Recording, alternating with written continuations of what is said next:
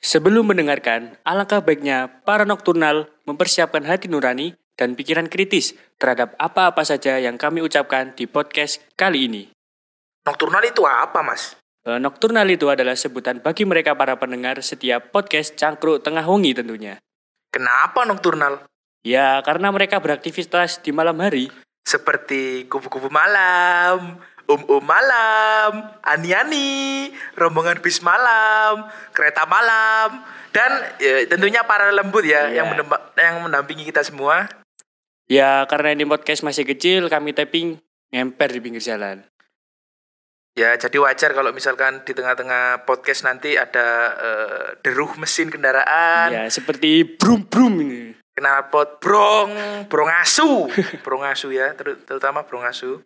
Eh, ya, untuk mendukung podcast kita bisa sawer kita tentunya di Saweria, bisa lewat GoPay, OVO Dana, dan link aja. iya murah kok minimal hanya 10.000 ribu. Oke. Tentunya semua apa yang kami sampaikan bukan opini pribadi kami. Kami sudah merangkum dari beberapa sumber. Para nokturnal sekarang ditemani oleh Om Don dan teman saya. Observer, ya. Kayaknya ada yang aneh, ada yang ganti namanya ini.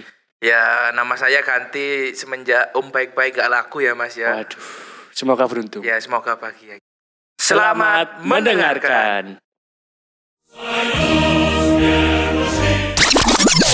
Ganjar ganjar nong kedoa Ya, sudah dengarkan tadi intronya tentang apa? Ayo, yang nggak tahu siapa?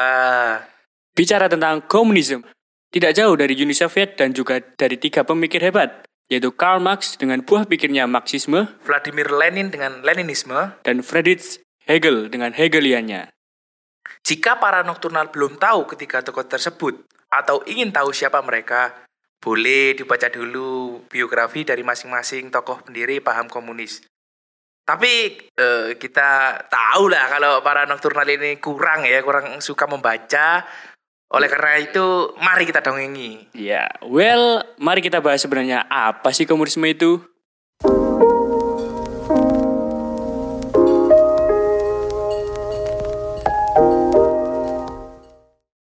Masa kecil Karl Marx sebagai orang miskin yang malas, namun ia mempunyai pemikiran yang luar biasa. Ia pun menceritakan kepada teman kayanya, yakni Vladimir Lenin, tentang hasil pemikirannya. Lenin lalu tersentak dengan pemikiran Karl Marx yang brilian. Dua tokoh ini mengenalkan pemikiran ini ke seluruh Eropa. Banyak orang Eropa yang tertarik dengan pemikiran ini. Salah satunya adalah Friedrich Hegel. Mereka bertiga mengembangkan pemikiran Marxisme dan Leninisme menjadi sebuah ideologi yang ingin mereka ter- terapkan di suatu negara, yaitu komunisme, yang berasal dari kata komunal. Lambat laun, pemikiran komunisme berkembang pesat di Eropa dengan basis di Inggris dan Jerman. Pada akhir abad 19, komunisme berkembang dengan cepat hingga ke Rusia. Kaisar terakhir Rusia, Tsar Nicholas II, memperbolehkan pemikiran komunis berkembang, hingga dapat dilengsarkan dalam peristiwa revolusi Bolshevik 1917. Lenin kemudian diangkat menjadi pemimpin baru Kekaisaran Rusia, dan menggantinya menjadi USSR, Union of Soviet Socialist Republic, atau yang kita kenal sebagai Uni Soviet. Lengsernya Tsar Nicholas II dari tahtanya dikarenakan ketidakpahaman atas kondisi rakyat bawah, khususnya para petani. Ia membuat sebuah boneka atau action figure berupa petani, akan tetapi boneka petani tersebut menggunakan sepatu boots. Hal tersebut bertolak belakang dengan keadaan yang sesungguhnya, di mana sepatu boots hanya bisa dimiliki oleh orang-orang kaya saja. Hal tersebut memicu kericuhan rakyat kalangan bawah, sehingga dapat dimanfaatkan oleh pemikir komunisme untuk memberontak dan mendirikan sebuah negara yang berideologi komunisme. Kini Kekaisaran Rusia berganti menjadi negara komunis Uni Soviet. Komunis akhirnya mendapatkan Rusia dengan kekuasaan yang luas. Dengan mengenalkan pemikiran yang dirasa banyak menguntungkan bagi rakyat kecil, maka dengan pesat pemikiran komunisme berkembang. Hingga akhirnya sampai ke Hindia Belanda. Awalnya ideologi komunisme datang ke Hindia Belanda dibawa oleh orang Belanda. Banyak dari pribumi tertarik dengan pemikiran tersebut.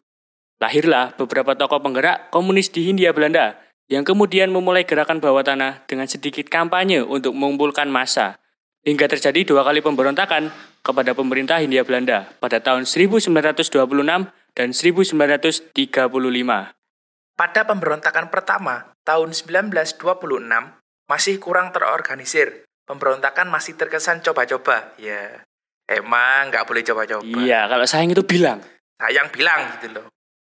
Oke, dengan melakukan evaluasi dari pemberontakan 1926, kemudian dilakukan pemberontakan kedua pada tahun 1935. Pemberontakan ini dilakukan secara masif dan terstruktur. Emang pilpres saja yang TSM. Ya nanti diajukan loh. Ya, yuk ke MK siap. Iya.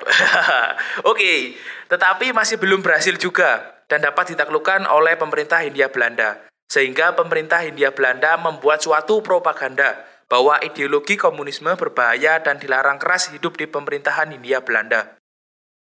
Komunisme kembali menjadi gerakan bawah tanah dan hingga dapat membuat partai sendiri, yaitu Partai Komunis Indonesia atau PKI. Hingga pada tahun 1948 mencoba memberontak kepada pemerintah Indonesia yang baru saja merdeka.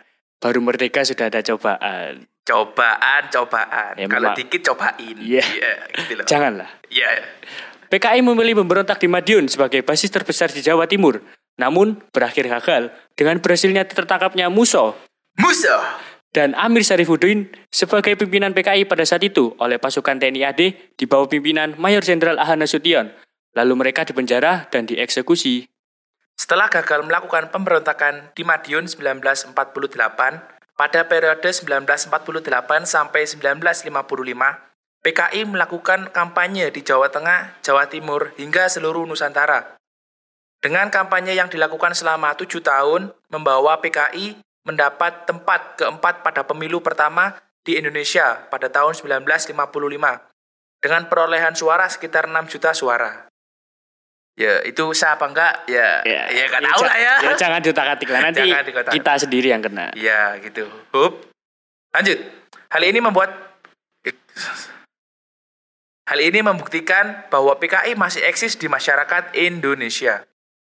Kemudian setelah pemilu 1955, dengan situasi politik Indonesia yang semakin panas, penuh gejolak dan adanya seruan revolusioner dari Presiden Soekarno, serta banyaknya konflik seperti Irian Barat atau Trikora dan Ganyang Malaysia atau Diukora yang membutuhkan banyak sukarelawan-sukarelawan. PKI kemudian mengajukan usul kepada pemerintah. Dalam hal ini adalah Presiden Soekarno untuk membentuk angkatan kelima yang terdiri atas kaum buruh dan tani yang dipersenjatai.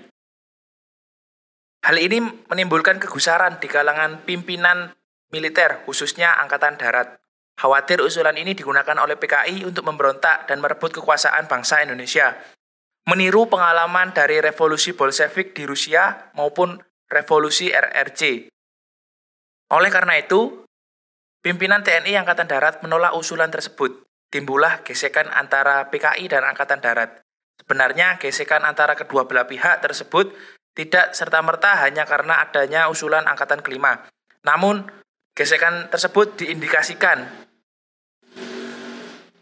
Sebentar ada prongsu ya, Ya, kita ngemper gitu. Iya. Oke, lanjut. Eh, gesekan tersebut diindikasikan terjadi karena kedua belah pihak ingin masuk ke dunia politik. politik lagi, politik lagi. Politik asik. Memang. Gesekan tentunya semakin panas, hingga PKI berencana untuk menculik beberapa jenderal atau petinggi AD untuk dihadap- dihadapkan kepada Presiden Soekarno. Genosida terhadap musuh politiknya. Waduh, brong lagi, brong lagi. Brongsu gitu loh. Ya, brong? Asu. Iya.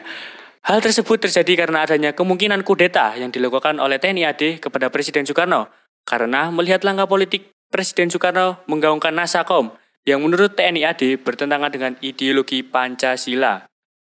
Rencana itu disusun secara sistematik dan rapi hingga melibatkan pasukan khusus pengawal presiden, yaitu Cakra Birawa.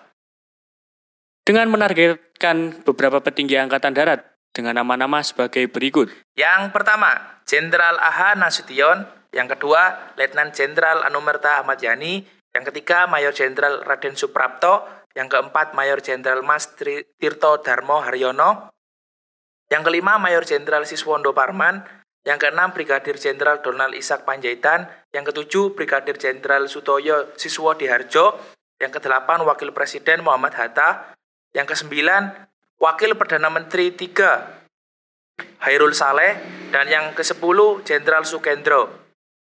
Tetapi Ketua Sentral Komite PKI, ya DN Aidit, mencoret tiga nama terakhir. Belum ada kejelasan mengapa DN Aidit mencoret ketiga nama terakhir tersebut. Pada hari eksekusinya, malam 30 September atau 1 Oktober dini hari, pasukan Cakrabirawa langsung menuju ke rumah dinas target penculikan. Semua target berhasil diculik kecuali Jenderal Ahana Sution yang berhasil kabur dari penculikan. Sehingga pasukan Cakrabirawa menculik ajudan Jenderal Ahana Sution, Kapten Pere Andre Stendean. Memang benar rencana ini rapi, tetapi tidak sesuai dengan rencana awal karena dalam eksekusinya beberapa jenderal ditembak langsung di tempat penculikan.